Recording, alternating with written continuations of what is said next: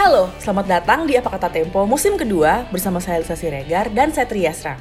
Ini adalah podcast mingguan yang membahas seputar editorial atau opini dari redaksi Tempo. Hmm, media kok beropini sih? Loh, siapa bilang media nggak boleh beropini? Dari dulu Tempo justru udah rajin bikin opini, ya nggak udah? Iya, betul Lisa. Di Tempo, kita selalu ada rapat redaksi untuk menentukan opini setiap pekan di majalah Tempo dan setiap hari di koran Tempo.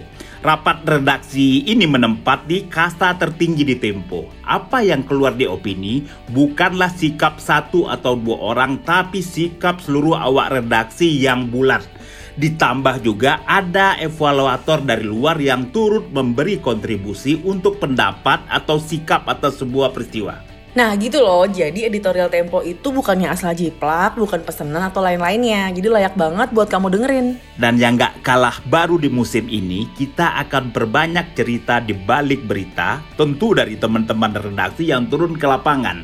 Kita ingin menggambarkan kenapa sih Tempo memilih peristiwa ini sebagai laporan utama, kenapa Tempo tidak mengangkat ini sebagai laporan utama. Jadi ragam redaksi akan kita paparkan dalam podcast ini. Nah, tuh kan seru banget. Makanya jangan lupa ya untuk pantau terus playlist kita tayang di tiap Rabu. Dan buat yang pengen kasih saran atau kritik, silakan email aja ke podcast at tempo.co.id subjeknya apa kata Tempo. Selamat mendengarkan.